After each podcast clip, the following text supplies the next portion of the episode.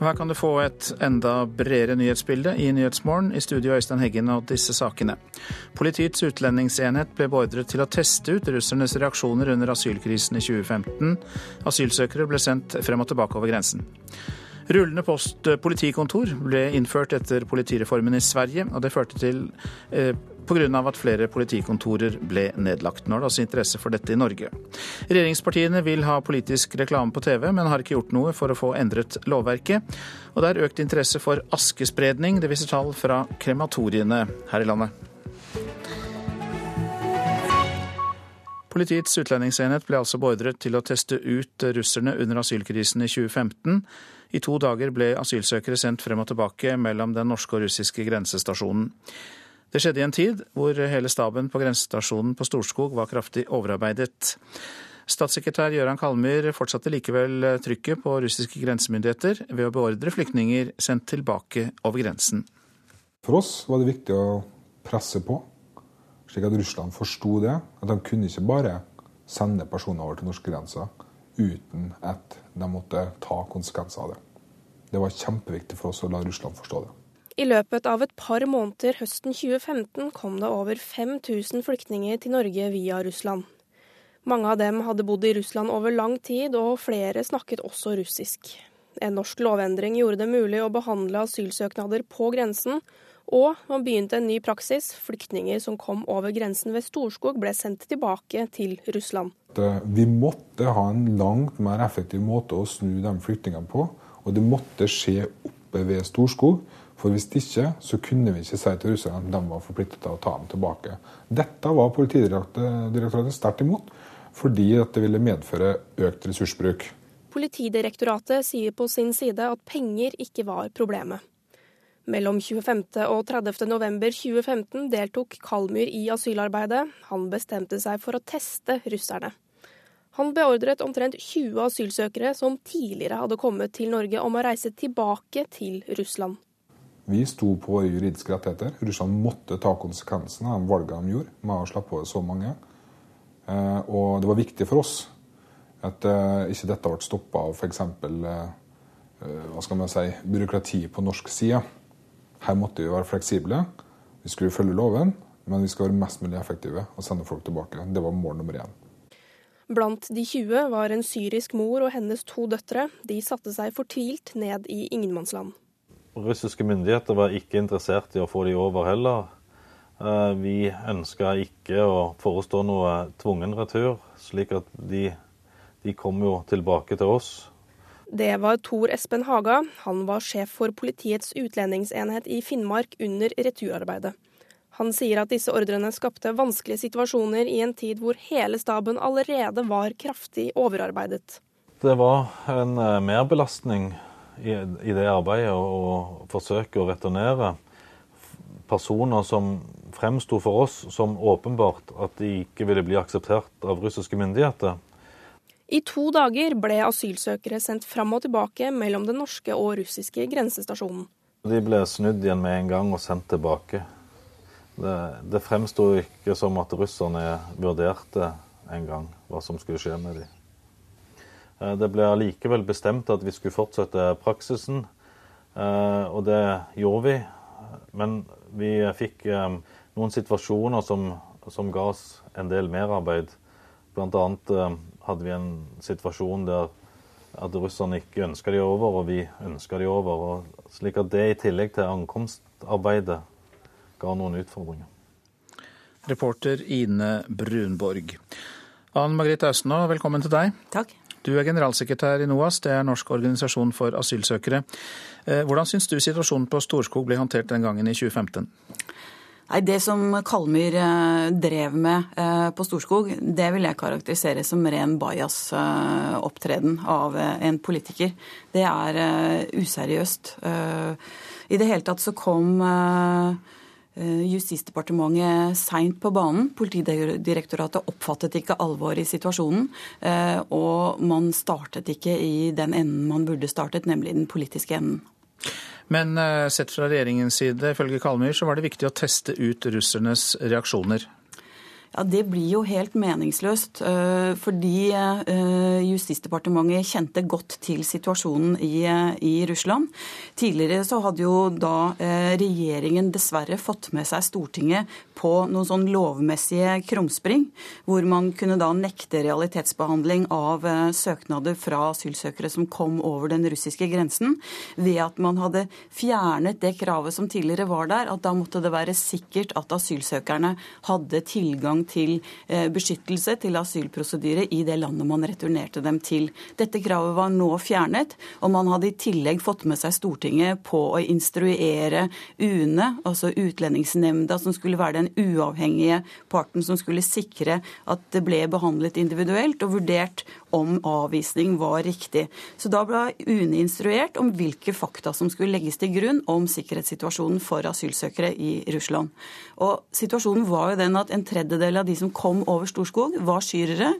Veldig mange av de syrerne som befant seg i Russland på det tidspunktet, var der i utgangspunktet fordi de hadde arbeid. De hadde ikke tilgang i, på beskyttelse i Russland. Um, og det har FNs høykommissær eh, for flyktninger seinere dokumentert, og gjorde det også eh, underveis i denne behandlingen. Sånn at her har man ikke bare tatt noen juridiske snarveier og fått med seg Stortinget på det i det som ble oppfattet som en krisesituasjon fordi man ikke i utgangspunktet hadde reagert raskt nok. I tillegg skulle man altså tøffe seg på grensa, og Kalmyr sto der personlig og lagde kaossituasjoner hvor folk nærmest med blokk og papir i ti minusgrader skulle begynne å behandle asylsøknader individuelt der. Det var meningsløst, og det må aldri få skje igjen. Likevel, hvis vi følger eh, Kallemyrs logikk, da, så kan det jo tenkes at russerne ble mer medgjørlige etter dette? Nei, det har jeg ingen tro på. Det sporet som, som, førte fram, var jo rett og slett at man gikk inn politisk og diskuterte situasjonen og ble enig med russerne om at dersom du ikke hadde eh, gyldig innreisevisum til Schengen-området, Norge er jo i nord Schengens yttergrense, så fikk man altså ikke passere. Tidligere så hadde det vært sånn eh, på den russiske grensen at dersom man kom og meldte seg som en asylsøker, selv om man ikke hadde et gyldig Schengen-visum, så slapp man inn fordi det kom mellom fem og ti i året. Så det ble aldri sett på som noe problem. Så ble dette oppdaget at her var det en mulig vei som var mye mindre dødelig enn over Middelhavet. Og dette spredde seg, og russisk mafia tok, dro nytte av dette og, og utstedte falske visum og falske papirer. Og så ble dermed dette et problem som endte på norske politikeres spor. Tror du at noe lignende kan skje igjen? Ja, jeg frykter det. Eh, regjeringen ønsker jo faktisk nå å såkalt videreføre disse juridiske snarveiene som de fikk Stortinget med på i november 2015, uten at de har gjennomført den evalueringen som Stortinget krevde. Eh, så nå ligger dette på Stortingets bord, eh, og Stortinget må vise at vi faktisk tar internasjonale forpliktelser på alvor. Takk skal du ha, Ann Margrit Austnå, som er generalsekretær i NOAS, Norsk organisasjon for asylsøkere. Håvard Grønli, du har kommet til studio, og det gjelder Politisk kvarter om en eh, drøy time. Dagens tema er fiskeripolitikk. Ja, vi spør. Hvis fiskeripolitikken skal gi lokale arbeidsplasser og verdiskaping, er det da klokt av regjeringa å fjerne kravet om at de store båtene må levere fangsten sin til fiskemottakene i Nord-Norge? Det kan være et kystopprør på gang i nord. I Politisk kvarter klokka 7.45. Vi har ikke glemt avisene i dag heller, og starter med Dagens Næringsliv. Flere får nei til boliglån. Når det nå er strengere regler, får flere lånesøkere nei fra bankene. Og det er særlig kravet om at lånet ikke kan være større enn fem ganger inntekt som slår inn. Her må elevene lære tysk via Skype, skriver Aftenposten til et bilde av elever i Gildeskål kommune i Nordland. Mange skoler i Nord-Norge sliter med å finne kompetente lærere, og trenger minst 4000 nye de neste ti år. Langt eh, flere vil ut, ut i lære, er oppslaget i Klassekampen. Tallet på søknader om lærlingeplass i Oslo har økt med over 10% sammenlignet med i fjor. Vi har gjort eh, yrkesfag mer attraktive, sier eh, skolebyråd Tone Tellevik Dahl. Gjør bekmørket til barnekunst, skriver Vårt Land. Holocaust er ett av temaene som nå tas opp i barne- og ungdomsbøker. Ifølge Norsk barnebokinstitutt har det vært en dreining fra å beskytte barndommens uskyld til å eksponere unge lesere for det som er vanskelig. Fem år gamle Heba har kreft og faren har multipel sklerose, men UDI vil sende dem ut av landet. Bergens Tidende skriver om eh, Suhair, mors barn Khalid, og familien som må ut fordi UDI mener han løy om sin opprinnelse for 26 år siden, at han ikke var palestiner, men kom fra Jordan. Friskere kyr på store gårder er oppslaget i Nasjonen. Ifølge Tine satser de store gårdene mer på forebyggende arbeid, har færre syke dyr og bruker mindre antibiotika. Forbudt og helsefarlig, skriver Nordlys om hjemmetatovering. Ungdom i Troms tatoverer hverandre i fylla. Tatoveringseksperter advarer mot faren for å få hepatitt, streptokokker og blodsmitte. Regjeringens forslag til ny mobbelov styrker ikke elevenes vern mot alvorlige krenkelser, skriver Dagsavisen. Høringsrunden viser at mange er kritiske og opplever den nye loven som et tilbakeslag. Nå kan Knut gå på tur hver dag. Adresseavisen forteller at glemske eldre kan få GPS. 76 år gamle Knut Forseth er sprek, men han er glemsk. Og nå får han GPS fra Trondheim kommune, og sønnen Øystein kan følge med på hvor faren befinner seg. Hvordan sikre en trygg, alderdom, det er eh, stikkord for forbrukertipsene også i Dagbladet, mens VG skriver om hvor boligprisene er høyest her i landet for tida. Flere ønsker askespredning etter sin død, ifølge tall fra krematorier i Norge. Det er også registrert en økning i antall søknader om askespredning ved juridisk avdeling hos Fylkesmannen i Vestfold. Jeg tror det har noe med både befolkningsmønstre og sånne ting, egentlig. At man ikke vil belemre etterkommere med å stelle en grav og sånne ting. Jeg også tror at det kan ha noe med at folk ikke har den samme tilknytningen til kirken lenger at uh, kanskje begravelse med gravlegging, og det å ha en gravplass, kanskje blir mer fremmed. Det sier direktør ved juridisk avdeling Per Arne Andreassen og førstekonsulent Pernille Gjertsen Moss ved Fylkesmannen i Vestfold. Hvert år blir det utlevert flere urner til askespredning i Norge. Det viser tall fra Norges krematorier, utarbeidet av Gravplassrådgiveren i samarbeid med Gravplassforeningen. Disse viser at i 2016 var det 514 urner som ble levert ut til askespredning. Og bare på det siste året har det økt med over 70 tilfeller. Det er klart Å se på tallene til Fylkesmannen og også gjennom noen sånne spørreundersøkelser som har vært utført uh, tidligere, så kan man jo se på en måte på en sånn forventa utvikling. da. Eh, og Det viser jo at disse askespredningstallene sannsynligvis kommer til å øke enda mer i tida som kommer. Det sier gravplassrådgiver i Den norske kirke, Åse Skrøvseth. I Vestfold er det også gjort et sprang det siste året. Statistikken har vist en årlig økning på maksimum syv spredninger, men fra 2015 til 2016 økte det fra 51 til hele 89. Jeg tror i løpet av året så har det vært en del medieomtale eh, i forbindelse med spredning av aske i naturen. Og mer åpenhet rundt dette har gjort folk mer oppmerksomhet på muligheten av det. Det sier daglig leder i Vestfold krematorium, Ola Asp. I dag er reglene for askespredning bl.a. at all aske må spres på samme sted. Og dette tror Andreassen ved Fylkesmannen kommer til å forandre seg fremover. Og så tror jeg over tid egentlig at man får muligheten til å dele på asken. Det er jo ikke muligheten i dag. Der etterkommerne egentlig kan ha sin, sin egen del av asken. Og det er ikke lov å ta med seg asken hjem eller spre på sånn som vanlige enkeltland, på fotballbaner og sånne ting, der man har en tilhørighet. Det tror jeg også er en utvikling som etter hvert kommer i Norge. Fra 2015 og frem til i dag er de mest populære askespredningsstedene i Vestfold utenfor Færder, Mølen og Svenner. Men Gjertsen Moss har et litt annet sted i tankene. Jeg har, jeg har et ønske om å få asken min spredd der. Et sted rett syd for Hvasser som heter Fanshøl. Reporter var Dina Sofie Espeseth. Dette er Nyhetsmorgen, og klokka den nærmer seg 6.48. Vi har disse hovedsakene. En kraftig syklon med vindstyrke opp mot 260 km i timen har nådd kysten av Queensland i Australia. 25 000 mennesker er evakuert.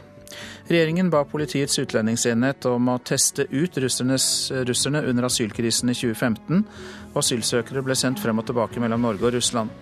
Ann Margrethe og generalsekretær i NOAS kalte dette for bajasopptreden her i Nyhetsmorgen nettopp. En av fire ledere tør ikke si fra om kritikkverdige forhold på jobben, fordi de frykter konsekvensene. Mer om spørreundersøkelsen fra interesseorganisasjonen Lederne etter klokka sju. Politireformen i Norge fører til at flere politikontorer blir nedlagt. Derfor frykter folk at de må dra langt for å møte politiet. Men i Sverige der har de forsøkt å løse dette med en politibobil. Det er altså et rullende politikontor Ja, det, det er over ti stykker som finnes i Sverige. Det forteller betjent i det svenske politiet, Tommy Eliasson. Han og kollegaen Stefan Johansson kjører rundt i en bobil som fungerer som et politikontor. Svenskene har nemlig gjennomført en lignende politireform som den som er planlagt i Norge. Den førte til at flere lokale politistasjoner ble nedlagt. Erstatningen ble en bobil. Bilen har en ukentlig turnus der den eh, tre dager i uken besøker byer eller tettsteder. Da kan lokalbefolkningen komme for å besøke den rullende politistasjonen. De, de, altså, de venter en hel uke, for da har de ærende til, til, oss. Så vet de at vi kommer, så behøver de ikke åke til Trollhättan. Eller som når vi var i Ed, så behøver de ikke åka enda til Åmål for å prate med oss, då, kanskje om et våpenærende. Eller... Ja, den var, helt, den var ganske liten. Lillfingering. Den er helt slät. Monica Dahlberg har mistet ringen sin, og har i den anledningen kommet til politibobilen. Hun syns ordningen med rullende politistasjoner er bra. Da syns de litt, og vil man spørre om noe, så er det veldig enkelt å komme til dem. Og eh, Visserligen får man ha passa dagen, men eh, eftersom de bara är här en dag i veckan, Men det er et bra initiativ. Vi behøver se mer poliser ute. Noe av frykten ved å legge ned de lokale politikontorene er at lokalbefolkningen ikke får et forhold til politiet. Det forholdet har man klart å bevare med bobilen, sier politibetjent Eliasson. De kjenner deg, de vet hvem jeg er. I Bunkerdal til eksempel, treffer jeg en person som jeg har truffet tidligere da, som polis, som, som återkommer til oss. Det er både kriminelle og vanlige mennesker som kommer til oss. og de Får de besøkt oss noen ganger, som du besøker meg, så får vi et fortroende til hverandre. På tross av dette mener Monica Dahlberg at det hadde vært fint med et lokalt kontor. Ja, jeg har ikke savnet det hittil, men visst hadde det vært bra om vi hadde hatt kanskje en politi stasjonert her i området mer permanent. Det hadde jo vært det beste. Det jeg holdt med også, om du får hatt en liten stasjon i hvert samfunn.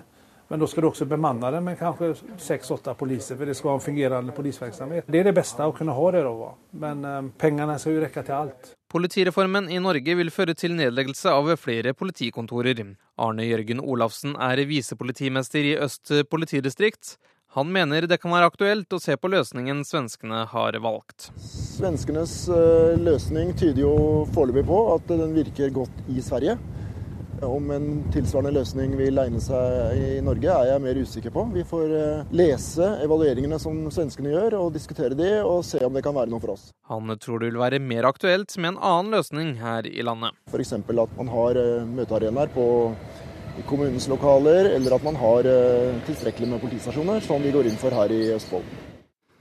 Og Jon Fredrik Clausen var reporter. Politisk reklame er eh, fullt lovlig på internettkanaler som Facebook og YouTube og VGTV, men i de tradisjonelle TV-kanalene er det fortsatt forbudt.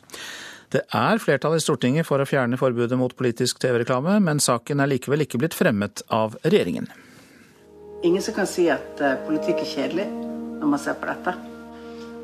Og det er jo sånn at politikk betyr noe for alle i hverdagen. Det betyr noe for de tingene du er mest opptatt av. Høyres statsminister Erna Solberg framfører sitt budskap i en politisk reklame. Det har hun full rett til å gjøre på medieplattformer som Facebook, YouTube, VGTV og TV2 Sumo. Magnus Hoem Iversen, som er doktorgradsstipendiat ved Universitetet i Bergen, sa før helga til NRK at denne valgkampen vil by på noe nytt. Vi kommer til å se mye mer politisk reklamefilm på nett enn det vi har tidligere. Men på vanlige TV-kanaler er det fortsatt forbudt med politisk reklame. Det klinger dårlig i ørene for Høyre.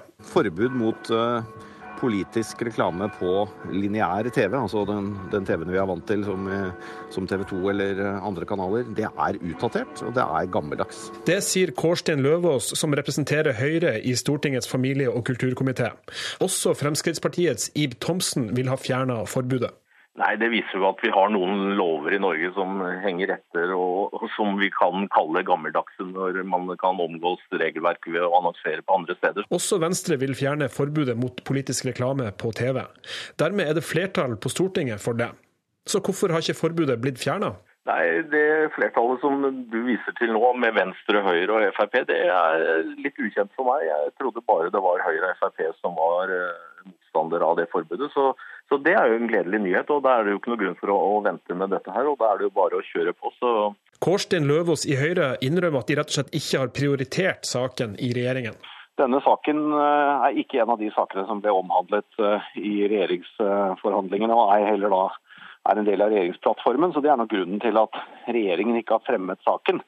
Men eh, skulle den bli fremmet for, for Stortinget, så er jo som du sier både Frp og Høyre og eh, Venstre, i alle fall i sine partiprogrammer eh, i inneværende periode, for at dette skal fjernes. Så det har vel rett og slett ikke vært Eh, prioritert. Arbeiderpartiet vil bevare forbudet, og kritisere regjeringen og dens samarbeidspartier for ikke å ha klart å gjøre noe i saken. Det er klart at det ser veldig rart ut at eh, de snakker mye, eh, både før valget for snart fire år siden og i løpet av stortingsperioden nå, men at de ikke har evna å gjøre noe med det. Det tror jeg er enten manglende gjennomføringskraft, eller at de har innsett at det er neppe et fornuftig spor. å bidra til at norsk politikk går i amerikansk retning. Arbeiderpartiets Arild Grande var det, og reporter var eh, Oddvin Aune. I podkastens fødeland USA har det tatt helt av de siste årene. Det lages eh, sånn på verdensbasis eh, hele 350 000 podkaster i året, men de fleste fortsatt i USA. Korrespondent Tove Bjørgaas fordypet seg i noen av dem i helgen. I'm Erline Woods. In 1999, I was convicted of being a getaway driver of an attempted second degree robbery. I was sentenced to 31 years to life, and I've been incarcerated for 18 years. Erline Woods forteller at han har sittet 18 år i det beryktede St. Quentin-fengselet i California for væpnet ran. Men Woods har fått noe nytt å fylle dagene innenfor murene med. Ear hustle, ear hustle. Podkasten Ear Hustle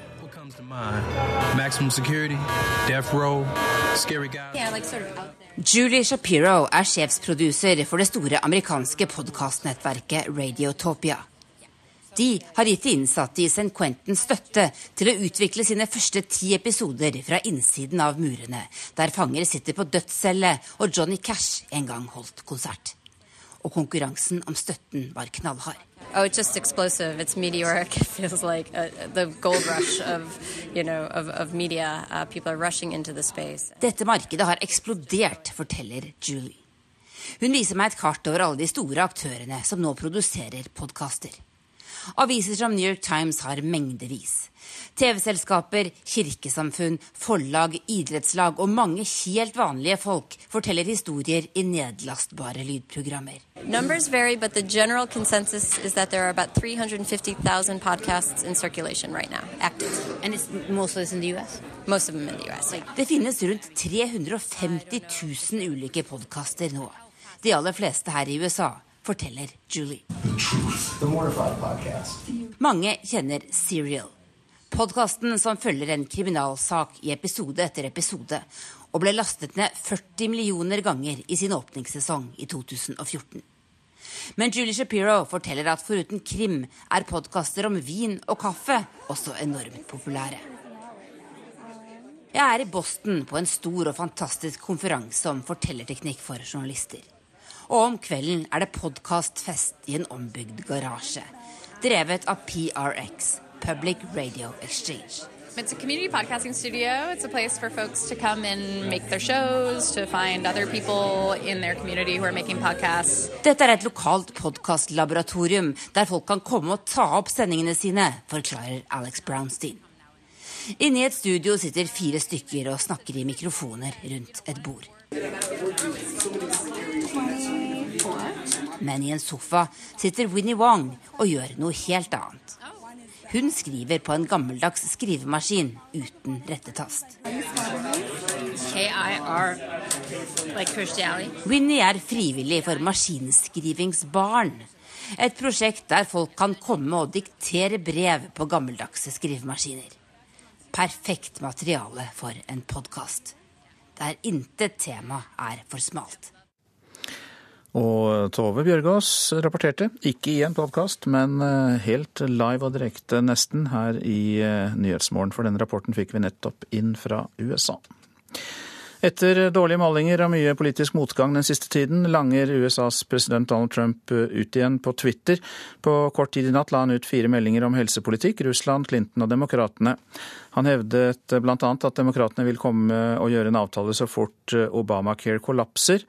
Ikke vær bekymret, vi er i veldig god form, skriver Trump i en av sine tweets. Så tar vi for oss værvarselet. Sør-Norge først. Eh, hele Sør-Norge ser vi samlet, altså. Oppholdsvær og en del sol, men overskyet i nordlige områder på Østlandet og i ytre strøk av Vestlandet. Og det kan ventes enkelte snøbyger i Trøndelag og på Nordmøre. Nordøstlig stiv kuling på kysten av Sogn og Fjordane og eh, Sunnmøre. Men hovedbildet er altså oppholdsvær. Så Nord-Norge snøbyger, nordvestlig liten til stiv kuling på kysten. Litt minkende vind i kveld. Betydelig skredfare meldes det om over store områder, faregrad fire i Troms. Så det er grunn til å være oppmerksom på det. Spitsbergen nordlig kuling, snøbyger langs kysten, ellers opphold. Og vi tar for oss temperaturene målt klokka fem. Svalbard lufthavn minus 18, Kirkenes minus 9. Vardø minus 2, Alta minus 4, Tromsø minus 3, Bodø og Brønnøysund minus 1. Og så plussgrader. Trondheim 1, Molde 3, Bergen 2, Stavanger 1, Kristiansand-Kjevik 2. Gardermoen og Lillehammer begge én, Røros minus to og Oslo-Blindern pluss to.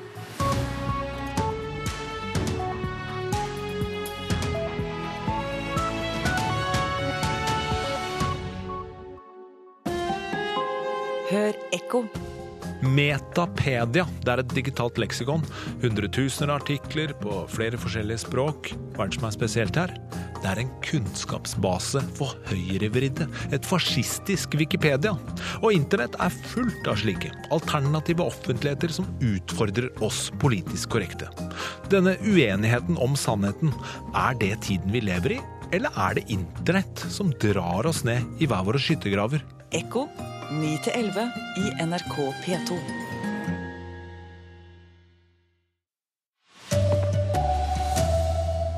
Politiet ble beordret til å stenge grensen til Storskog i 2015 for å teste Russland. Og store gårder bruker mindre antibiotika på dyrene sine enn små gårder. Her er NRK Dagsnytt klokka sju. Tidligere statssekretær i Justisdepartementet Gøran Kalmyr beordret politiet til å teste Russland under asylkrisen i 2015 ved å stenge grensen. Dette til tross for at politiet advarte mot dette. Tor Espen Haga er tidligere sjef for Politiets utlendingsenhet i Finnmark. Han sier mannskapet på Storskog var kraftig overarbeidet. Vi utførte det vi fikk eh, ordre om. Vi så tidlig at russerne ikke ønska at dette skulle gjennomføres. Eh, det ble allikevel bestemt at vi skulle fortsette praksisen, eh, og det gjorde vi. Men vi fikk eh, noen situasjoner som, som ga oss en del merarbeid. Det var statssekretær Gøran Kalmyr som bestemte seg for å teste russerne på denne måten. For oss var det viktig å presse på, slik at Russland forsto det. At de kunne ikke bare sende personer over til norskegrensa uten at de måtte ta konsekvenser av det. Det var kjempeviktig for oss å la Russland forstå det. Reporter her var Ine Brunborg, og det blir mer om dette i NRK Brennpunkt på TV i kveld.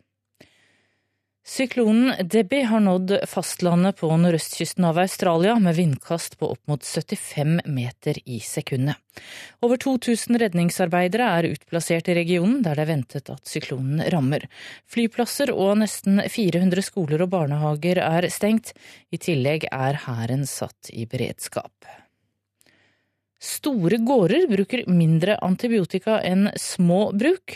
Dyrene holder seg friskere på store gårder, viser en oversikt fra meieriselskapet Tine. Da regjeringen skulle effektivisere landbruket, påsto de at større gårder ikke ga mer bruk av antibiotika.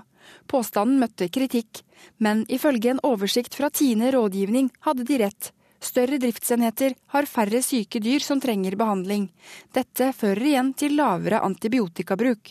Det sier spesialrådgiver for helse og fruktbarhet i Tine rådgivning, Anne Katrine Wist, til avisa Nasjonen. Bruken av antibiotika i landbruksproduksjon har blitt et problem. Den økende bruken gjør mennesker resistente. Reporter her Kristine Hirsti. Den sørafrikanske politikeren og anti-apartheid-aktivisten Ahmed Katrada er død. Katrada satt i fengsel i 26 år, blant annet sammen med Nelson Mandela. Etter at han ble løslatt i 1990, ble han valgt som medlem av parlamentet som representant for ANC. Katrada ble 87 år gammel. NRK Dagsnytt, Tone Nordahl. Og her i Nyhetsmorgen fortsetter vi med disse sakene. Én av fire ledere sier ikke fra om kritikkverdige forhold på jobben. Mer autoritære ledelsessystemer erstatter eh, mer medarbeiderorienterte systemer, mener organisasjonen Lederne. Nå må omdømmet til norsk idrett bygges opp igjen, mener lokale idrettsledere etter at Inge Andersen er ferdig som generalsekretær i Norges idrettsforbund. Irakiske regjeringsstyrker har gjenopptatt angrepene mot gamlebyen i Mosul. Ifølge FN er mange sivile i området i livsfare. Vi får også en oppdatering fra vår Asia-korrespondent om syklonen som herjer i Queensland i Australia. En av fire ledere tør altså ikke si fra om kritikkverdige forhold på jobben fordi de frykter konsekvensene, og de kan bli tøffe, viser en undersøkelse blant 3000 ledere. Audun Ingvardsen i interesseorganisasjonen Lederne har bestilt rapporten, og han sier at mer autoritære systemer for ledelse erstatter medarbeiderinnflytelse. De er redde for eh, å varsle. Systemene har utvikla seg til å være sterke styringssystem, og ikke ledelse etter, etter samarbeidsmodellen. Og det bekymrer oss. Det er én av fire eh, sier at de er redd for å varsle. 9% av lederne som har brakt kritikk videre, måtte slutte i stillingen, viser Norsk ledelsesbarometer, der 3300 ledere fra ulike bransjer har svart. Arbeidsforskningsinstituttet har gjort undersøkelsen for fagorganisasjonen Lederne. Tallene er overraskende høye og negative, konkluderer forsker Eivind Falkum ved AFI. Hvis du går tilbake til de første varslingsstudiene på 2005-2006, så hadde de undersøkelsene samme spørsmålet, og da var det bare 1% Så da har jo liksom reaksjonene på varsling har gått i helt feil retning i forhold til det intensjonene var med å lage et bedre varslingsinstitutt. En av fire ledere i undersøkelsen svarer at de ikke tør å melde fra om kritikkverdige forhold. I denne undersøkelsen er det 420 ledere. De trekker frem at toppledelsen ikke liker kritikk, at den som varsler blir sett på som illojal, og at de frykter for stillingen sin som grunn for å holde munn. Nina Melsom er direktør for tariff- og medlemstjenester i NHO. Det er overraskende, for mitt eh, inntrykk er at eh, norske toppledere ønsker en eh, åpen bedriftskultur der det er rom for å ta opp bekymringer og kritikk. Det sikrer de gode beslutningene. Dette må jo munne ut i at man til enhver tid må jobbe med kulturen ute i bedriftene. Man må skape tillit, og man må skape trygghet. Og det er et eh, felles ansvar. Den norske modellen legger jo nettopp til rette for at eh, man til enhver tid skal eh, drøfte. Drøfte med de tillitsvalgte, drøfte med, med ledelsen. Jeg har mange år hatt en rolle som tillitsvalgt i oljebransjen. og der har jeg sett en utvikling som, eh, som skremmer litt. Folk er eh, blitt mer redde for å si hva de mener og ytre, ytre seg. Hans Fjære Øvrum, tillitsvalgt i fagorganisasjonen Lederne, mener resultatene fra lederbarometeret må føre til en skikkelig diskusjon om bedriftskultur. Ikke bare i oljebransjen, men i hele arbeidslivet. Ja, denne rapporten påviser jo at mange ledere har blitt mer eh, engstelige for å si fra om farefulle forhold i, på sin egen arbeidsplass. Og Den eh, påviser da en konsekvens av eh, mange endringer. Så nå mener jeg at vi burde se på årsaken og i større grad bevisstgjøre oss hvorfor eh, disse endringene kommer i norsk arbeidsliv. Og det var Hedvig Bjørgum som var reporter her. Hilde Charlotte Solheim, velkommen til Nyhetsmorgen. Takk for det. Din bakgrunn er viktig for å forklare dette, for du er tidligere reiselivsdirektør i Virke, forfatter, journalist, eh, har også flere styreverv. Etter det du har hørt her, hva er din reaksjon? Dessverre ikke over, overrasket. Dette er veldig uheldig. Det er et samfunnsproblem. Og det er et stort problem enten varslingen gjelder arbeidsvilkår, at folk ikke blir godt behandlet, eller kritikkverdige vilkår. Jeg har rukket å se litt på undersøkelsen, og det er jo ekstra bekymringsfullt at det ser ut som man er litt reddere, at fryktkulturen er litt mer utbredt i det offentlige. Men dette kan oppstå alle steder. Vi ser det i små og store private virksomheter, og vi ser det dessverre også i offentlig sektor. Hva tror du er grunnen til at det er blitt slik? Det ble nevnt her at uh, ledelseskulturen endrer seg i mer autoritær retning? Ja, autoritær, og så er det svak og dårlig ledelse. Ja-kultur og fryktkultur rundt ledere er uheldig, og det er målforskyving bort fra virksomhetens mål. Hvis jeg driver, en, bok, driver en bokhandel, så vet hele organisasjonen at det vi skal måle oss på, er at vi lykkes å selge bøker med overskudd. Og det kan være kanskje også en, en, slags kulturforskyving, hvor en del virksomheter blir så fokusert på egen intern kultur, og at lederne skaper en klikk hvor de ikke ønsker annerledes tenkende. Og Da må vi bygge inn sikkerhetsmekanismer. Eh, og tendensen til at man behandler varslere som illojale, den er veldig uheldig. Det er ikke illojalt å varsle. I private virksomheter så skal du kunne gå til styret i trygghet. Styret skal ha en rutine for å sjekke ut en varsling på en måte som er trygg både for varsleren og den det varsles på. Kommunene har et utmerket system. De har kontrollutvalgene som kun rapporterer til kommunestyret. Eh, og det kan tenkes at vi har for svake systemer for å håndtere varsling i staten. For denne jakten på varslerne, varsleren som går rett ut i media, holder jeg utenfor her. Men denne jakten på de som prøver å si fra internt, den er uheldig. Og hvis du er redd for å varsle pga. en fryktkultur, så skal det å gå oppover i organisasjonen aldri være noe du møter sanksjoner for. Du nevnte en av flere ting, og en jeg bet meg merke i var dette med at lederne lager seg en klikk. Hvordan fungerer da den?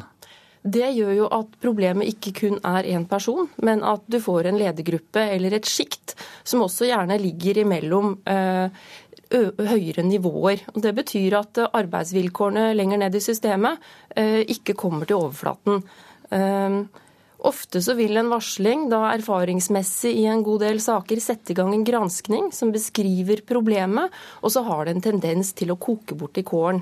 Og det er klart at Jeg mener vi har et samfunnsproblem når en leder i i en hvilken som helst virksomhet, men også offentlig sektor, ikke blir konfrontert med det. Hvis man f.eks.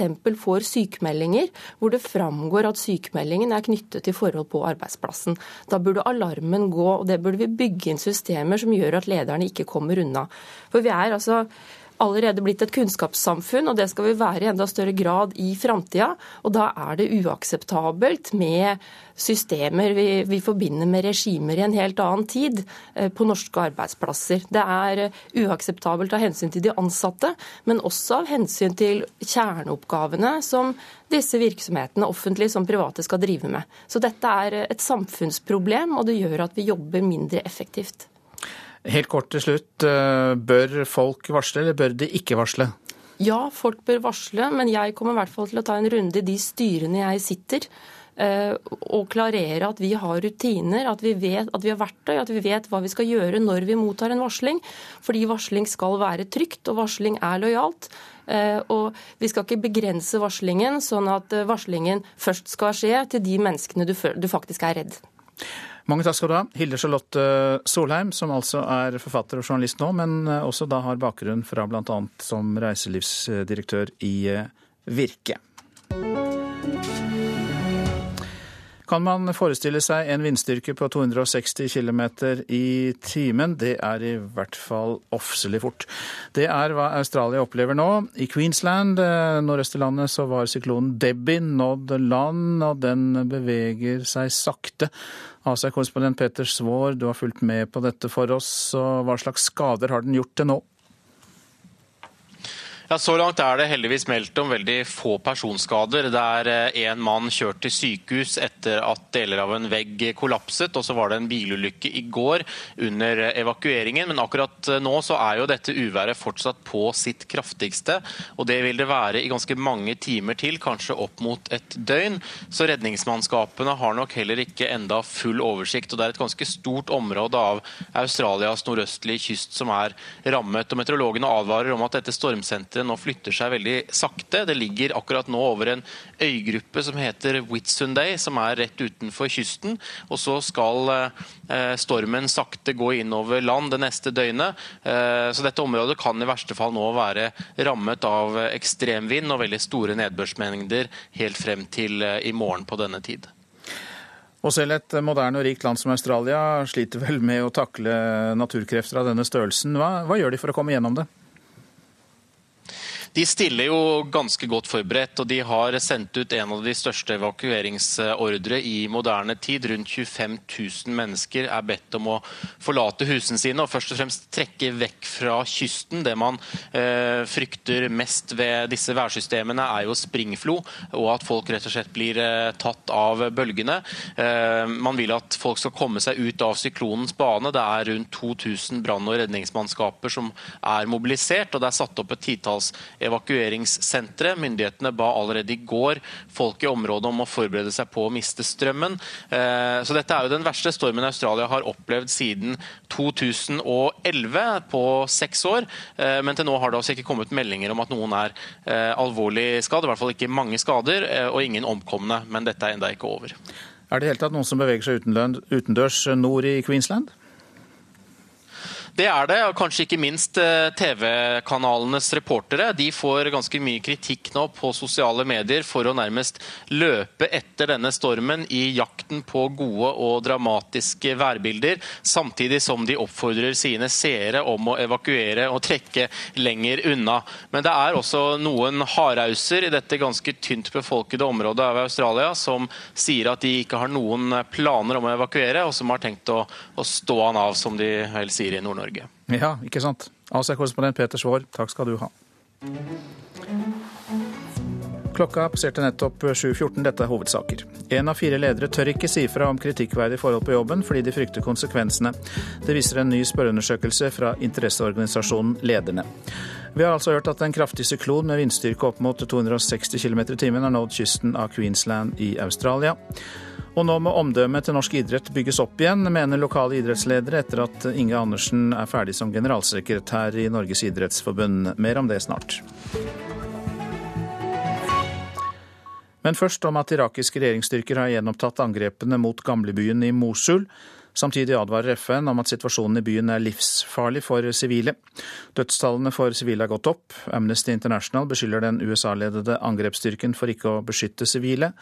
Minst 3000 sivile er drept, og rundt 60, 600 000 mennesker skal det være, er fanget inne i det IS-kontrollerte området i byen. Og Midtøsten-korrespondent Kristin Solberg, du er med oss og har nettopp kommet ut av Mosul. Hva forteller de som har greid å komme seg ut av byen? De forteller om, om svært uh, harde kamper og en hverdag som uh, fortoner seg uh, som, som, et, som, et, helvete for sivile. de forteller også om vanskeligheten med å komme seg ut av det IS-kontrollerte området. Mange tar seg ut i ly av mørket, altså skjult av mørket, så går de mange kilometer for å komme seg ut inn til det regjeringskontrollerte området. Og De står jo overfor et nesten umulig valg. på den ene siden så kan de flykte, og da risikerer de å bli skutt av IS, som fysisk forhindrer folk i å dra. Jeg har snakket med flere som, som, som er blitt skutt.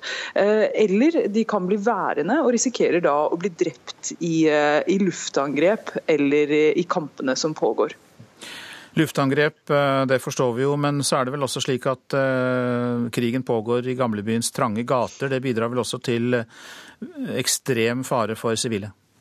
Ja, absolutt. Det, det, hjelper ikke på situasjonen. Men eh, de sivile tapene har jo vært store også før de er nådd gamlebyen, der, der gatene er som du sier, veldig trange og det er tettbefolket. Eh, nå kjemper de irakiske styrkene vest i Mosul, og det er generelt et mer tettbefolket område enn øst. og Det kan være en av grunnene til at vi ser at de sivile tapene er, er eh, gått opp. Men den irakiske hæren og, og deres internasjonale allierte de bruker jo luftangrep, de bruker bombekastere, og da er det vanskelig å, å være presis i, i tettbefolket område. Og det er svært, svært farlig for sivile. Hva er ditt inntrykk av i hvilken grad den irakiske regjeringshæren er opptatt av å skåne de sivile? Ja, Den irakske, irakske styrker som jeg har snakket med, sier at det er, det er, noe de er svært opptatt av. At de derfor går, går sakte frem, nærmest gate for, for gate. Men Amnesty International beskylder jo, beskylder jo regjeringshæren og, og, og internasjonale koalisjonen som støtter dem for å, for å svikte de sivile. De kom nettopp ut med en rapport der de eh, har samlet inn eh, bevismateriale som, som, som, de sier peker på et mønster eh, av koalisjonens luftangrep, der de fullstendig ødelegger hus mens familier befinner seg inni inne i dem, og, og, mener det er et åpenbart brudd på folkeretten hvis de eh, ikke tar grep for å unngå sivile tap. Og Jeg snakket også med eh, mennesker inne i Mosul som, som hadde fått husene sine totalt ødelagt av, av luftangrep. og, og mistet mange familiemedlemmer på den måten. De fortalte om en situasjon der de ikke eh, der de ble forhindret i å flykte fra IS. De kunne ikke forlate husene sine, for da risikerte de å bli skutt. Eh, og så kom det da et, et luftangrep mot huset deres, slik at eh, familiemedlemmer døde. Mosul er en stor by. Hvorfor er kontrollen over denne byen så veldig viktig for irakerne? Ja, Dette er jo Iraks nest største by. og Da IS tok kontrollen over Mosul i 2014, så var det til da IS sin største seier og et stort nederlag for eh, irakske styrker. Og Det er svært viktig for dem å gjenerobre byen. Og Det vil også være eh, et stort tap for IS, for etter Mosul så vil de da ikke kontrollere noen større byer i, eh, i Irak. Men det betyr på ingen måte at de er nedkjempet. Kristin Solberg, takk skal du ha, vår Midtøsten-korrespondent som eh, nettopp er kommet ut av eh, Mosul. I går ble det klart at Inge Andersen er ferdig som generalsekretær i Norges idrettsforbund etter en turbulent periode. Nå mener flere i norsk idrett eh, at det er på tide å starte med å bygge opp omdømmet til norsk idrett igjen.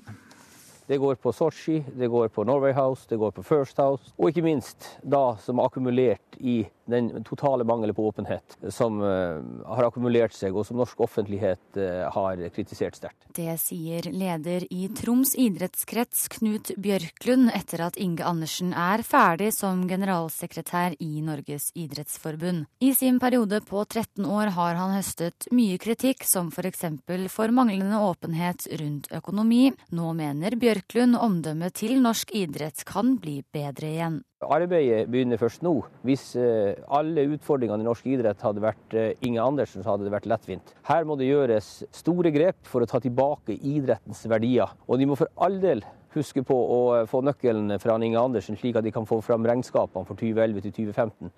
Gjør ikke idrettsstyret det, så kan også de bare gå av. President i Norges Sykkelforbund Harald Tidemann Hansen mener også at det nå er tid for endringer. Jeg tror at man må bli synlig på at man må være mer transparent, mer åpen. mer precis, sånn at man, Det har idretten alt å tjene på. Jeg tror det også er viktig for å styrke tilliten og omdømmet. Så jeg tror det er viktig at man er åpen og, og, og er gjennomsiktig på det man gjør. Men jeg tror at det er viktig at eh, hele idretten stopper litt opp og ser på, på måte, hvordan vi ønsker å fremstå. Og jeg tror dette er en, en mulighet for de å kunne ta det grepet. Ida Høydalen eh, var reporter her. Og så velkommen til deg, Reidar Solli. Takk for det. Leder for sportsavdelingen i eh, Dagsavisen. Og eh, hva var det som felte Andersen? Det er en i sum over tid, fra 2013 til i dag, med, som det ble sagt i innslaget her, omdømmeproblemet utad. Det har vokst gradvis. I det store bildet kan man egentlig peke på at det er den olympiske ukulturen som da har skvulpet inn over Norge. Gjennom OL-prosessen hvor, hvor, Norge ville søke først Tromsø og så, så Oslo-prosessen. Så har dette, mm, disse internasjonale avsløringene om korrupsjon i, store altså Både i den olympiske verden og i, i Fotballforbundet gjort endret fokus også på norsk idrett. Men og I kjølvannet av alt dette så har det bygget seg opp en helt annen stemning. og et, der eh, Totalbildet er omdømmet til norsk idrett som nå er på, på sviktende grunn. Ja, og du, du, pekte jo på en del eh, grunner til at omdømmet har sviktet. Men eh, er, er, det først og fremst mangel på åpenhet? Det, det, er, det, er, en konsekvens av, av de avsløringene som er kommet. At man har, har, fått en følelse av at man ikke svarer på de spørsmålene som blir spilt. Det har, har vært mye tåkeprat. Da får man en følelse av, av mistenksomhet.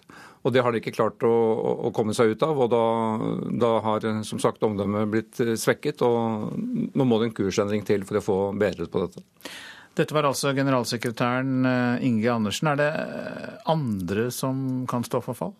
Det er spennende hva styret, hva styret, gjør videre. Det er jo Tom Tvedt nå som egentlig har eh, fått all makt i fanget. Det er spennende hvem de velger som ny sjef. Det norsk idrett trenger, er egentlig en dugnadsleder. Det er tross alt Norges største frivillige organisasjon, som er basert på frivillighet. Og Det er det, man må tilbake til. Men skal man ikke glemme at Inge Andersen har gjort en stor jobb. Han, kom inn som redningsmann i 2004, da, da det altså var 46 millioner i underskudd. Og da var den viktigste jobben Da var det et helt annet fokus. Da var det pengebruken på en annen måte som var feil. Han klarte å snu det, og så har det egentlig bikket over andre veien igjen i slutten av hans regjeringstid. Så nå er det ikke den eh, ansatte, men den eh, valgte, altså idrettspresidenten, som først og fremst må rydde opp, da? Det, det, blir spennende, for det er også en konflikt eh, Den, lever jo fortsatt mellom, eh, mellom styret og kulturministeren.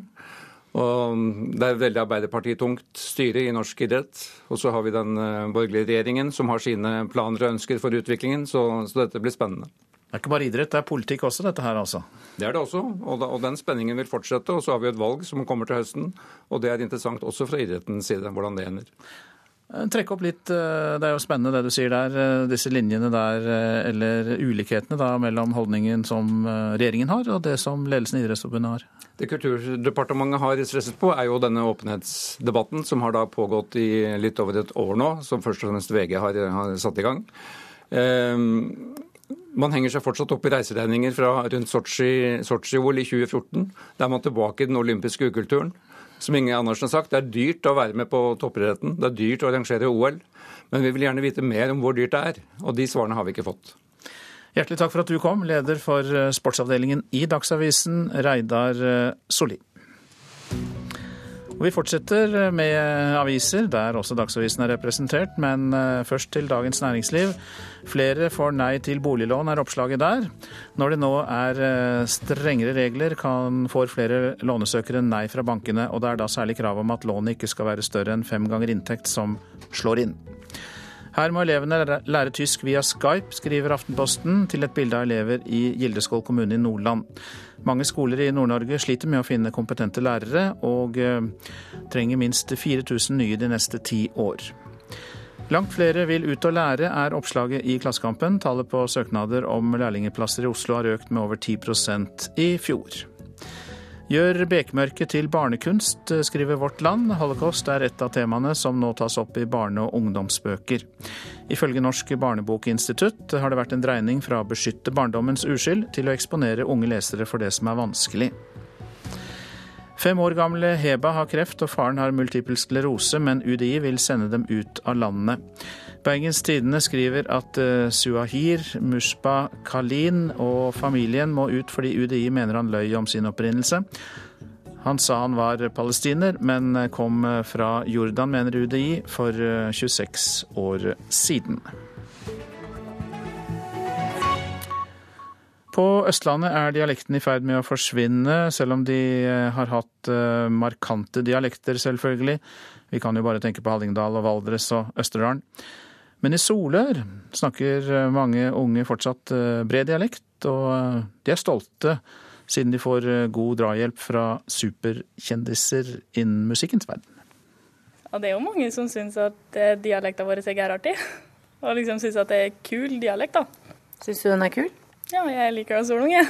Sier tiendeklassing Emmy Otilie Mobakk Stubberud fra Åsnes. Hun og andre ungdommer som holder på dialekta si, har fått god hjelp av et stort forbilde for mange unge. Det er jo ikke så mye å fortelle, egentlig. da. Jeg er en gutt fra Flisa som uh, er oppvokst på bygda. og uh, Egentlig en ganske normal gutt som har likt musikk helt siden jeg var liten. da. En helt vanlig gutt er likevel ikke Tom Stræte Lagergren, eller Matoma, musikkprodusenten som har blitt verdenskjendis i sjangeren tropisk housemusikk. Sjøl om 26-åringen bor i Los Angeles, er en superhit på Spotify med flere hundre millioner avspillinger hver dag, og reiser verden rundt på konserter, snakker han bredere solungdialekt enn mange. Det har ikke helt gått opp for meg sjæl, tror jeg, at det, det, er så stort. Det, han, må litt, han, må sette seg ned og tenke litt over herten var for ett år siden, herten er nå. Sa Matoma under et intervju med NRK mens han satt i USA for en stund siden. Nei, jeg syns det er bra at den gjør det. At uh, selv om han har blitt kjendis og preker gær mye med folk som ikke preker solung, så syns jeg det er bra at han holder på dialekta si. Emmy er stolt av at superkjendisen beholder dialekta si, slik som hun gjør. Professor Arne Torp jubler også. Hvis vi er interessert i å bevare dialekten her i landet, så er det det vi trenger. Vi trenger ikke gamle professorer, sånn som jeg f.eks., som sier og får det som hvor flott det er med dialekten osv. Det preller av. Eh, hvis ingen faktisk av de som er forbilder for de unge, gjør det. Men derimot, hvis de får slike forbilder, så vil det komme til å smitte over. For de markante dialektene på Østlandet er i ferd med å forsvinne helt. Til og med i Hallingdal, Valdres og Østerdalen blir den vanna ut. Der er det ganske mange som snakker det de kaller bymål nå. Det vil si det er nesten som det skulle ha vokst opp i Oslo. Det eneste store dalføret på Østlandet der dialektene, det lokale språket, holder seg rimelig godt, tror jeg, det er Gudbrandsdalen. Og i Solør, da. For Emmy er ikke alene på ungdomsskolen om å snakke bred Solør-dialekt. Nei, jeg prater alltid dialekt. Jeg ikke ikke bokmål og å snakke Jeg syns ikke det er noe fint. Det er litt artig å prate en dialekt som få folk skjønner. Så du vil beholde det for at folk ikke skal skjønne hva du sier? ja, det er også Jeg har ikke lyst til å begynne å snakke, for jeg syns det er mye bedre å prate dialekt. Emmy føler seg i alle fall sikker på at hun kommer til å snakke like bredt om 20 år som hun gjør nå. Sjøl om framtida kan innebære at hun flytter fra Solør. Ja, jeg tror det. For det, i familien min så har jo både tanta mi og morfar min bodd i Oslo mesteparten av livet sitt og flyttet tilbake hit igjen, og de preker fortsatt solung.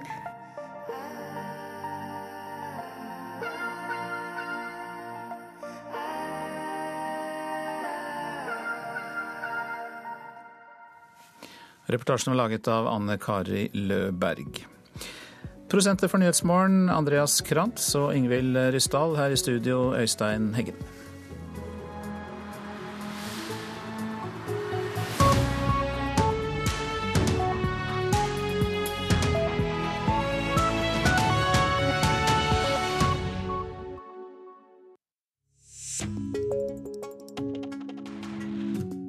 Ydmykelser gjør verden farligere, sier legen og psykologen Evelyn Lindner.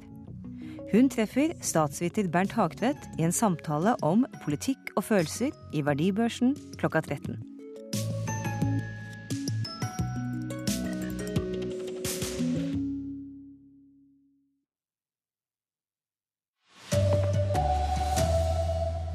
Politiet ble beordret til å stenge grensen ved Storskog i 2015 for å teste Russland. En kraftig syklon har rammet Australia, hæren er satt i beredskap og flyplasser er stengt. Og USAs president Donald Trump sletter mange av klimatiltakene fra Obama i dag. Her er NRK Dagsnytt klokka 7.30. Ja, politiet advarte, men regjeringen beordret likevel politiet til å teste Russland under eh, asylkrisen i 2015. Det gjorde de ved å sende asylsøkere tilbake til Russland, forteller tidligere sjef for Politiets utlendingsenhet i Finnmark, Tor Espen Haga. Tidligere statssekretær i Justisdepartementet Gøran Kalmyr var den som beordret politiet til å stenge grensen. For oss var det viktig å presse på, slik at Russland forsto det. At de kunne ikke bare sende personer over til norskegrensa uten at de måtte ta konsekvenser av det. I løpet av et par måneder høsten 2015 kom det over 5000 flyktninger til Norge via Russland. Mange av dem hadde bodd i Russland over lang tid, og flere snakket også russisk. En norsk lovendring gjorde det mulig å behandle asylsøknader på grensen, og man begynte en ny praksis. Flyktninger som kom over grensen ved Storskog, ble sendt tilbake til Russland. Og det måtte skje opp oppe ved Storskog. For hvis ikke, så kunne vi ikke si til russerne at de var forpliktet til å ta dem tilbake. Dette var Politidirektoratet sterkt imot, fordi det ville medføre økt ressursbruk. Politidirektoratet sier på sin side at penger ikke var problemet.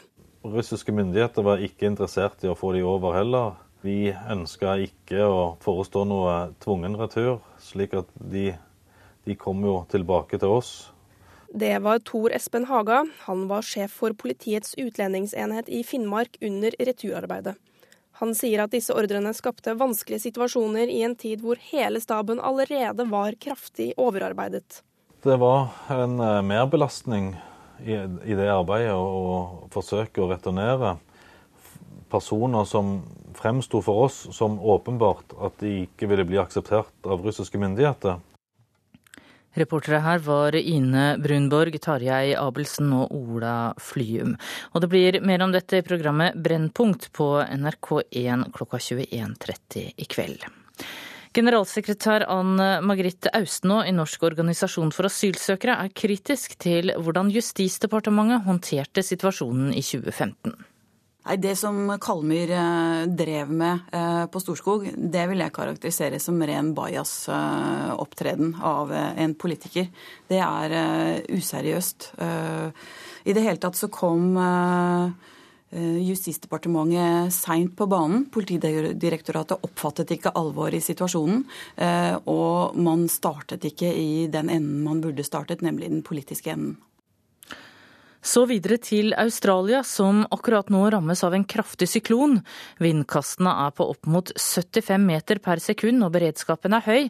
Syklonen har nå nådd land i Queensland, og Asia-korrespondent Peter Svaar, hvilke skader har syklonen ført til hittil? Ja, så langt er det heldigvis meldt om ganske få personskader. Der en mann kjørte sykehus etter en vegg som kollapset. og Det var også en bilulykke i går under selve evakueringen. Men dette uværet er jo fortsatt nå på sitt kraftigste. Det vil det være i mange timer til, kanskje opp mot et helt døgn. Så redningsmannskapene har enda ikke full oversikt. Det er et ganske stort område av Australias nordøstlige kyst som er rammet. og Dette stormsenteret flytter seg veldig sakte nå, så eh, det skal gå videre innover landet neste døgnet. men eh, disse ekstreme vindkastene og også store nedbørsmengder vil nok vedvare eh, ut hele dagen i dag, i hvert fall. Ja, Hvor godt forberedt er Australia på dette uværet? De er relativt godt forberedt. De har jo sendt ut en av de største evakueringsordre i moderne tid. Rundt 25 000 mennesker bedt om å forlate husene sine, trekke vekk fra kysten og fra syklonens bane. 2000 eh, brann- og redningsmannskaper mobilisert, og det er satt opp et titalls evakueringssentre. Eh, myndighetene ba allerede i går folk i området om å forberede seg på at de kunne miste strømmen. Eh, men dette er jo den verste stormen Australia har opplevd siden 2011, altså på seks år. Til nå har det det heldigvis ikke kommet mange meldinger om eh, skadde, men dette er enda ikke over. Takk skal du ha, Peter Svår. Så til Irak, der regjeringsstyrkene har gjenopptatt angrepene mot gamlebyen i Mosul. Samtidig advarer FN nå om at situasjonen i byen er livsfarlig for innbyggerne der. Minst 3000 sivile er drept, og rundt 600 000 mennesker er fanget inne i det IS-kontrollerte området i byen. Vår Midtøsten-korrespondent Kristin Solberg har nettopp vært inne i Mosul. Hun sier at de som har greid å komme seg ut av byen, forteller svært dramatiske historier. De forteller om, om svært uh, harde kamper og en hverdag som uh, fortoner seg uh, som, som, et, som, et, helvete for sivile. de forteller også om vanskeligheten med å komme seg ut av det IS-kontrollerte området. Mange tar seg ut i ly av mørket, altså skjult av mørket, så går de mange kilometer for å komme seg ut inn til det regjeringskontrollerte området. Og De står jo overfor et nesten umulig valg. på den ene siden siden så kan de flykte, og da risikerer de å bli skutt av IS, som fysisk forhindrer folk i å dra. Jeg har snakket med flere som, som, som er blitt skutt. Eh, eller de kan bli værende og risikerer da å bli drept i, i luftangrep eller i kampene som pågår. Det sa Kristin Solberg fra Irak. En av fire ledere tør ikke si fra om kritikkverdige forhold på jobben fordi de frykter konsekvensene. Det kommer frem i en stor undersøkelse blant 3000 eh, ledere. Hans Fjære Øvrum er tillitsvalgt i fagorganisasjonen Lederne i oljebransjen. Vi har flere redde ledere enn før, sier han. Ja, det kjenner jeg meg veldig godt igjen i. Jeg fungerer jo som tillitsvalgt i oljebransjen. og det er har jeg sett den utviklinga over, eh, over, flere år. At, eh, at folk er, er, blitt mer redde for å si hva de mener og ytre, ytre seg. Mange av dem som varsler om kritikkverdige forhold på jobben, refses og baksnakkes. 9% av lederne som har brakt kritikk videre, måtte slutte i stillingen, viser Norsk ledelsesbarometer, der 3300 ledere fra ulike bransjer har svart. Når de sier at det er slik, hvordan er det da eh, ellers i bedriften? Sier forbundsleder Audun Ingvardsen i fagorganisasjonen Lederne. Én av fire ledere i undersøkelsen svarer at de ikke tør å melde fra om kritikkverdige forhold.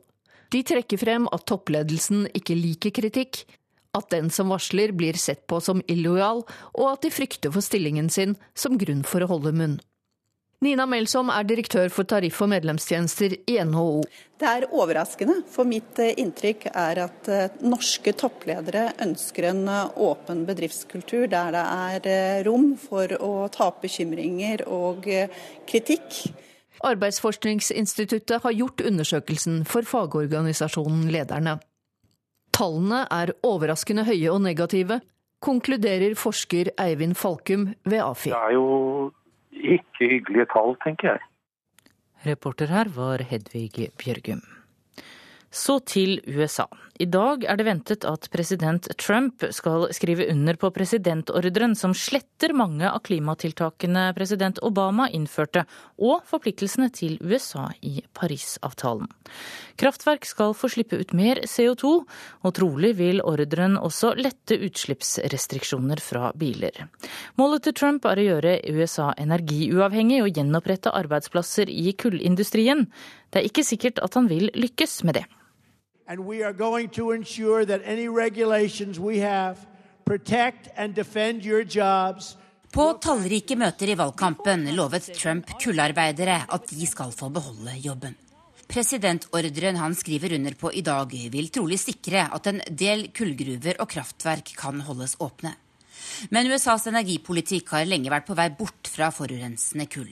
Og det er usikkert om Trump virkelig vil klare å snu denne utviklingen. So no, I would not agree uh, that it's a primary contributor uh, to the to the global warming that we see. USAs miljøvernminister Scott Pruitt sier ofte at menneskelig aktivitet neppe er grunnen til global oppvarming. Hans direktorat vil nå få i oppgave å endre omfattende utslippsreguleringer president Obama innførte. Det vil ta tid å forandre dette regelverket, og det er også sannsynlig at Trump-administrasjonen vil bli saksøkt av miljøvernere. Det er ikke ventet at presidentordren vil si noe om USAs framtidige forhold til Parisavtalen. Men med Trumps mål for økte utslipp vil det bli vanskelig for USA å oppfylle sine forpliktelser. Også utslippsregler for biler har han lovet å gjøre langt mindre strenge. Og dette arbeidet er allerede i gang. Tove Bjørgaas, Washington. Dagsnytt var ved Sven Gullvåg og Tone Nordahl.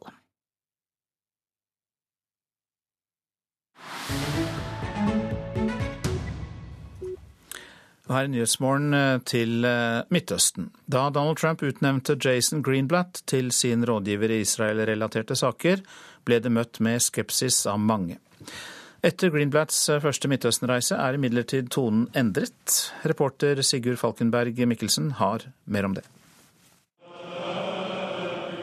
Gravkirken i Jerusalem. Et av de helligste stedene i kristendommen, hvor Jesus ifølge de fleste kristne tradisjoner ble gravlagt etter korsfestelsen, er nå åpen igjen. Den er restaurert for over 30 millioner kroner, etter en lang prosess der mange skulle si sitt. Spol fram til en norsk vårmorgen i Oslo. Skal vi se, den døren var eh, stengt. Vestre Aker kirke, hvor prost Trond Bakkevig holder hus til vanlig. Jeg banker på på menighetskontoret. Hei. Hei. Trond Bakkevig. Yes.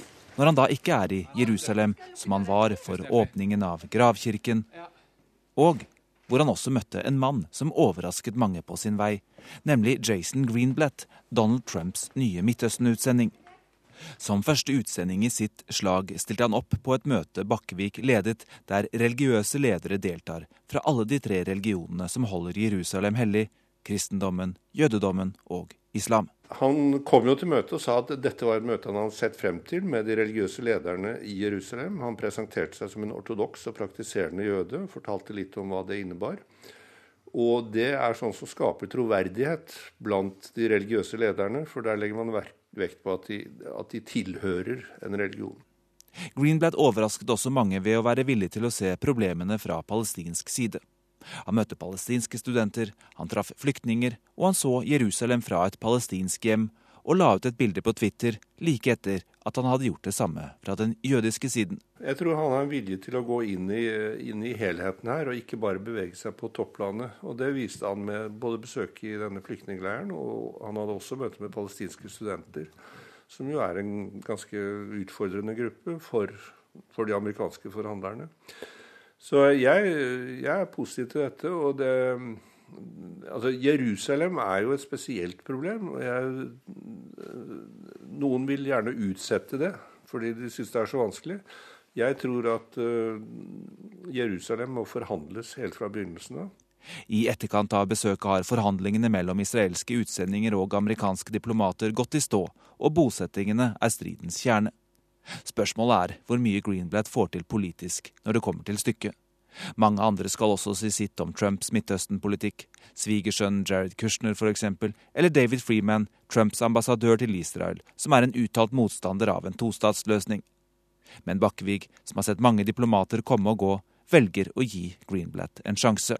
Jo, altså jeg er egentlig fornøyd med at det trykkes både på, på, de, på de, politiske og de religiøse lederne. Og så tror jeg bare man må lage en situasjon hvor de vet at nå trykkes det. Og, så, og at de kan lage noe under trykk, det er jeg ganske sikker på. Er du overrasket? For det tror jeg mange som hører på her. Ja, jeg er, jeg er for så vidt det. Uh, jeg ble positivt overrasket over at han sendte en ortodoks jøde. For jeg tenkte at når en ortodoks jøde er villig til å gå inn i dette, så kjenner jeg dem såpass godt at jeg vet at der er det også en oppriktighet uh, som går bortenfor de politiske kalkulasjoner. Og dette er eh, hovedsaker i nyhetene i dag. Regjeringen ba Politiets utlendingsenhet om å teste ut russerne under asylkrisen i 2015. Asylsøkere ble derfor sendt frem og tilbake mellom Norge og Russland. En kraftig syklon med vindstyrke opp mot 260 km i timen har nådd kysten av det nordlige Queensland i Australia. 25 000 mennesker er evakuert. En av fire ledere tør ikke si fra om kritikkverdige forhold på jobben fordi de frykter konsekvensene. Det viser en spørreundersøkelse gjort for interesseorganisasjonen Lederne.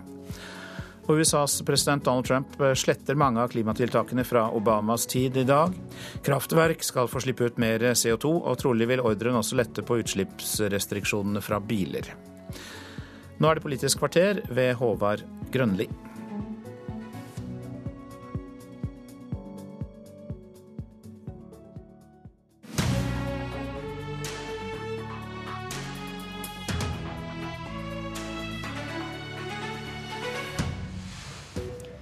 Hvis fiskeripolitikken skal gi lokale arbeidsplasser og verdiskaping, er det da klokt av regjeringa å fjerne kravet om at de store båtene må levere fangsten sin til fiskemottakene i Nord-Norge?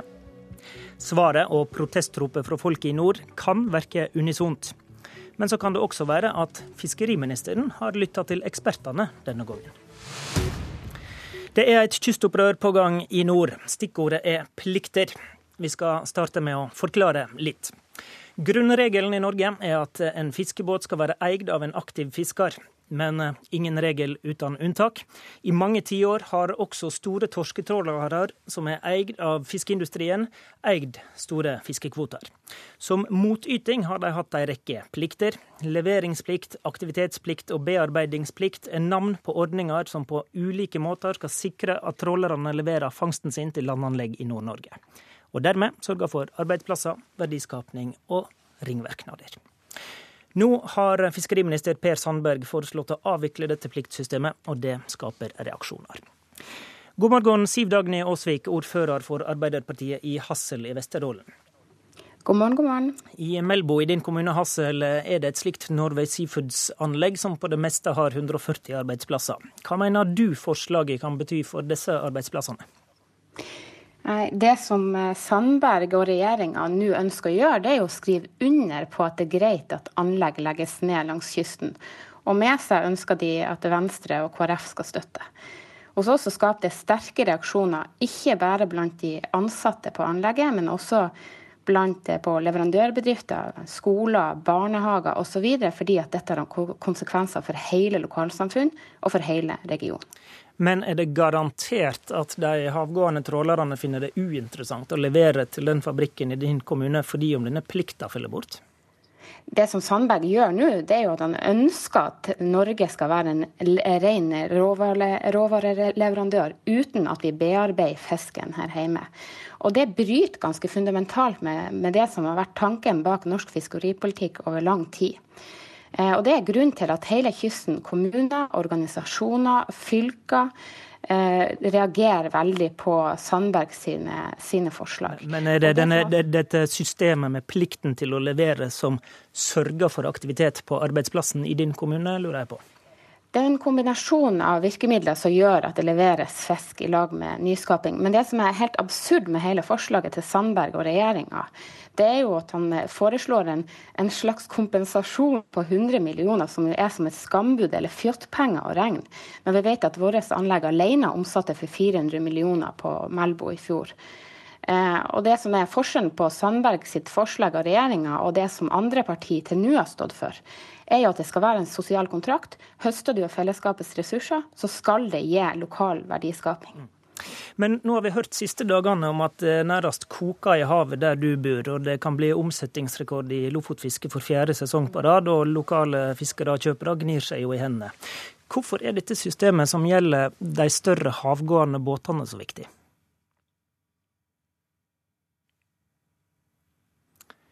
Det virka som det var siste ord fra Hassel i Vesterålen. Der uh, mista vi kontakta. Da tar vi debatten uh, videre i studio her. Så sier vi uh, takk til deg, Åsvik. Fiskeriminister Per Sandberg, bosetting og sysselsetting har vært et mål med dette pliktsystemet. Hva vil du først og fremst oppnå med å fjerne det? Skape lønnsomhet. Bygge opp sjømatindustrien i Nord-Norge. Siden 1970 så har det gått eh, bratt nedover med antall anlegg, anlegg industri, bearbeiding, foredling i, i Nord-Norge. Eh, på tross av at man lander mer og mer fisk, eh, så har det skjedd under Arbeiderpartiet. Når jeg hører Arbeiderpartiet si at jeg skriver under på en tillatelse til å legge ned anlegg, så er det altså sånn at det er Arbeiderpartiet som har bygd opp denne strukturen og dette systemet.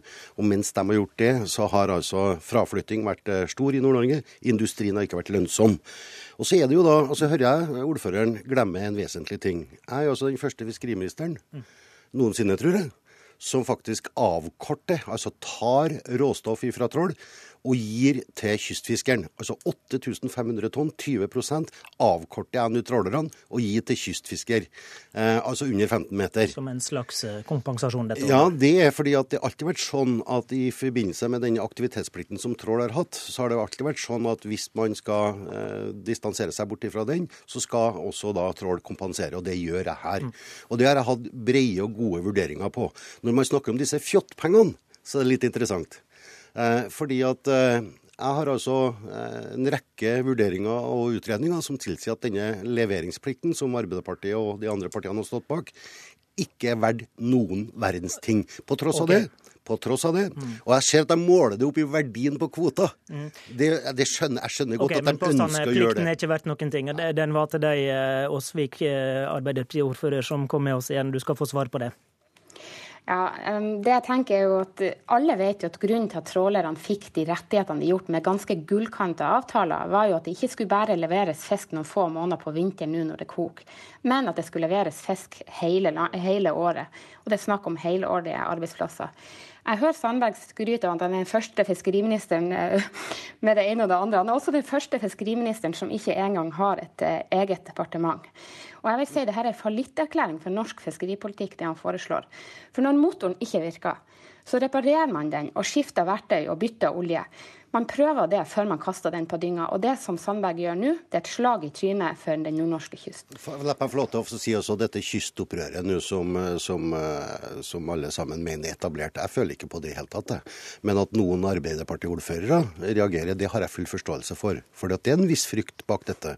Men jeg er altså trygg på, eh, og jeg registrerer hva Lerøy sier også, Lerøy har ikke investert 4,2 milliarder for å legge som, ned. Som eier disse ja, fabrikkene og ja, De har investert disse pengene for å bygge opp, og det er faktisk det jeg også gjør. Og så la meg si bare ett tall. Jeg vet at i sånne debatter så er tall, altså. tall. Men er kun 1,7% av totalkvoten leveres under pliktene. Og hvis 1,7% av all den fantastiske fisken som leveres i, i Nord-Norge nå, er avgjørende, så spekulerer jeg på hva man tenkte på når man innførte leveringsplikt og aktivitetsplikt og bearbeidingsplikt. Okay. Her i studio har vi også med oss Torgeir Knag Fylkesnes, eh, fiskeripolitisk talsmann i SV. Eh, disse pliktene eh, som vi snakker om her, blir omtalt altså, de blir omtalt som illusorisk av ekspertene som gikk gjennom, eh, gjennom dette. Altså uegnet til å ivareta intensjonen om at det skal komme fellesskapet til gode, står det i ekspertrapporten. Nå har Sandberg lytta til den ekspertisen. Det vil kanskje ikke du? Jo, Vi er vel alle enige i at hele denne ordninga her har vært en stor fiasko, sånn som den etter hvert også har vært praktisert. Er ikke det er jo... greit å fjerne den, da? Ja, det er også spørsmålet hvordan skal man gjøre det? Eh, og det her er jo egentlig historie om en ordning som har, eh, der hele ideen var at det skulle skape liv langs kysten. Skulle skape verdier eh, og bosetting eh, i kystsamfunnene. Men det har ikke og så har, eh, har det blitt undergravd. Eh, og, og, i stadig større grad har trålerne klart å unndra seg disse pliktene overfor kystsamfunnene. Og så kommer da som en slags fanfare eh, Sandberg, og så sier han OK, nå skal vi avslutte det hele. Nå skal trålerne få 80% av dette, her, så skal kystsamfunnene få 20% så, vi, så skal vi gjøre opp. Og det, det, det, på, mange, på, mange, måter kan du sammenligne det med at du har blitt rana, og så kan, eh, så kan tyvene stikke av med 80 av, av dette. her. Så Sandberg blir faktisk den fiskeriministeren, den første i historien, som gir så store verdier. Det er snakk om, er snakk om eh, fiskeverdier på rundt 8 milliarder eh, kroner, som han gir for en slikk og ingenting til eh, odel og eie for eh, store selskap. Mens på kysten så har du kystsamfunn der vi sliter med rekrutteringa, der vi sliter med verdiskapinga, der vi ønsker å skape eh, industri. Alt det her bare sier han nei til, og så tar han heller og, og, og jakter etter disse, disse tråleselskapene som han gir eh, masse store verdier til. La meg, meg først få si at jeg har veldig respekt for Fylkesnes, for han er i hvert fall ærlig, i motsetning til noen andre. For Fylkesnes er jeg enig med meg om at pliktene må fjernes, men han vil ha en større kompensasjon og en større avkorting. Fylkesnes og SV vil avkorte 100% 100% av trålkvotene vil være dramatisk for Nord-Norge. Enda mindre lønnsomhet osv. Og så er det sånn, Fylkesnes, vær så snill. Altså, Du kaller dette kvotetyver, de raner kysten osv. Trål har fulgt opp pliktene til punkt og prikke, og det er altså du og Arbeiderpartiet og de andre partiene som har gitt dem disse kvotene. Det er du og, de, og dere som har gitt dem disse rettighetene. Og da kan du ikke be, behandle dem som tyver etterpå, vet du. For disse er, de, de, disse er avgjørende okay. for at du skal få lande fisk hele året og ha sysselsetting i nord. Det, for det første er det jo historisk feil. Eh, denne ordninga der man begynte å uthule det på, virkelig, det skjedde jo under den forrige borgerlige regjeringa med Ludvigsen som fiskeriminister, en av dine forgjengere. Og så, eh, Det som må være utgangspunktet her, tenker jeg, det må være at 100 skal skape liv langs kysten. Det, skal, det var aldri intensjonen at noen trålredere skulle skaffe tilgang til den, disse rettighetene. Men du, og så, du og, og så skape, nei, vent, så skape verdier langs ut Men det, det, leveres, det, leveres jo langs kysten Fylkesnes, Fylkesnes. Du, vil, du vil at 100% av kvotene til trålerne skal tilbake til de mindre båtene i kystflåten, sant? Rett forstått? Ja. Hvorfor, Da utraderer du jo hele trålerflåten. Da. Hvorfor er det en fordel for kystnasjonen Norge? Nei, dette er jo bare en liten del av trålerflåten. Eh, og dette er jo historien om en trålerflåte som aldri oppfylte de eh, intensjonene vi hadde da de skulle skape liv langs kysten. Men de som faktisk har gjort det, det har vært kystflåten. Det er de som har levert stødig til industrien langs kysten. Og det er jo det som er veldig interessant her. altså Hvordan skal vi skape store verdier for Norge, ikke for bare noen få selskaper? Hvordan skal vi skape store verdier for kysten? Og Da mener jeg det er rett og rimelig å tenke, som, ha som utgangspunkt at 100% skal overføres til, eh, til kystsamfunnene for å nettopp skape liv, høyere kvalitet, eh, verdiskaping osv. Men er ikke eh, du opphengt i at det må skape verdiene akkurat i det området der du er valgt fra, da, og ikke for hele nasjonen som sånn? Ja, ja det, det, det, siste jeg er mest opptatt av. Hvordan kan det skape største verdiene for hele samfunnet. Og Da må vi satse på kvalitet. Det vet vi at kyst, kystbåtene leverer best på. Vi må satse på industri på land. Det, det, det vet vi at kystbåtene det er de som faktisk leverer til industrien på land. Mens det som kjennetegner trål, trål, er jo at de i større grad fryser ned, ombordproduserer, og at mye faktisk går direkte ut av landet på store, store skip. To, to, to, to ting. Jeg har snakka med utrolig mange innenfor kystflåten. Ikke dem engang er enig med deg, for at de greier ikke å håndtere det. Nummer to. Jeg har selvfølgelig, altså, jeg har, har selvfølgelig vurdert denne avkortinga. Det er jo ikke det at jeg har liksom satt en pekefinger i lufta og så vurdert hva er best og hva er rimelig. Men det vil du også oppdage etter hvert når du skal behandle dette nå i Stortinget. At juridisk så er det helt umulig å foreta seg det som du, og du foreslår. Fordi systemene, Arbeiderpartiet og tidligere regjeringer, har altså laga et system sånn at det ikke er hjemla, sånn at man kan gå inn og kutte akkurat så mye som man vil i forhold til det. Og så er det jo sånn at når det gjelder kvoter og, og evigvarenhet, så skal vi ta det i Eidesen-utvalget. Det er en annen type debatt. Så hvorvidt at dette er evigvarende, det er det jo ikke sagt noe om i, disse plikt, i dette Nei, la, la oss ikke diskutere det. Men, og nå legger Nei, jeg jussen Nei, nå skal jeg spørre Sandberg om en ting. For er det- nå legger vi jussen litt til side. Og så er det er én ting jeg ikke forstår, Sandberg. Kan du forklare det? Hvordan gir de ordning med å fjerne kvotene mer aktivitet og arbeidsplasser i de kystsamfunnene som har vært omfattet av en sånn leveringsplikt? Han kan eh, få større fleksibilitet. Eh, Man kan strukturere seg på en sånn måte at man får større lønnsomhet. Hvorfor gir det arbeidsplasser på land? Fordi at du lander, I dag så lander du mye av fisken, men han er pålagt en viss form for struktur, og det tar lønnsomheten ned. Innenfor fiskeri så har lønnsomheten vært betydelig god nå. Den er økende, faktisk. Både på kystflåten eh, og stor kyst også, og på hav, eh, havgående. Men, men, men hva tror du industri- gjør da, når du fjerner denne ja, plikten? jeg jeg har registrert hva eh, Lerøy har sagt, at, eh, og som er den store her, da. I hvert fall innenfor aktivitetsplikten, så er det jo Lerøy vi snakker om, altså havfisk. Når de sier vi har investert 4,2 milliarder i hvitfisk, vi har ikke investert disse midlene for å legge ned, vi har investert disse midlene for å bygge opp. Hvor kommer de arbeidsplassene, da? ja, det må du spørre Lerøy om. Ja, men, men, men, hva tror du? okay, Eh, men hva lett meg tror du er effekten? la- meg ta en annen ting, da. Nei, Altså, du kan ta det. Hvor jo- kommer de arbeidsplassene? Jo, for at nå flytter jeg 8500 tonn til kystflåten. De 8500 tonnene I dag så leveres bare 7000 tonn, faktisk. Så jeg leverer mer tilbake til kystflåten enn det som ligger der. Der vil det bli levert fisk over større deler av kysten nå, Ja. gjennom at jeg gjør Da dette tar vi grepet. det til slutt. Det vil Fylkesnes, skape aktivitet. Sandberg gir faktisk flere fiskekvoter til de mindre båtene i sitt forslag. Ja, Det skulle bare mangle. Men han gir kun 20% av det som man skulle gitt 100% av. Og så er det jo helt riktig det Sandberg sier, at det er en juridisk floke man har skapt her. Så man kan ikke bare avkorte 100 i dag eller i morgen. Eh, Det er kanskje riktig at det er 20 i morgen man kan faktisk ta. Det, det stoler jeg på at departementet har gjort riktig jobb. Men så er spørsmålet hva skal skje fremover? Skal disse trålrederne kunne stikke av med 80 av dette her til odel eie? Det er det, det, er det. Nord-Norge eh, reiser seg opp mot og sier nei. Det er faktisk eh, det, det, det, det, debatten- det, det kan vi rett og slett ikke akseptere. kvoteutvalget. Den må vi ta- Kampen, den må vi ta sammen. kampen om siste ord er herved over. I studio, Håvard Grønli. Hør flere podkaster på nrk.no podkast.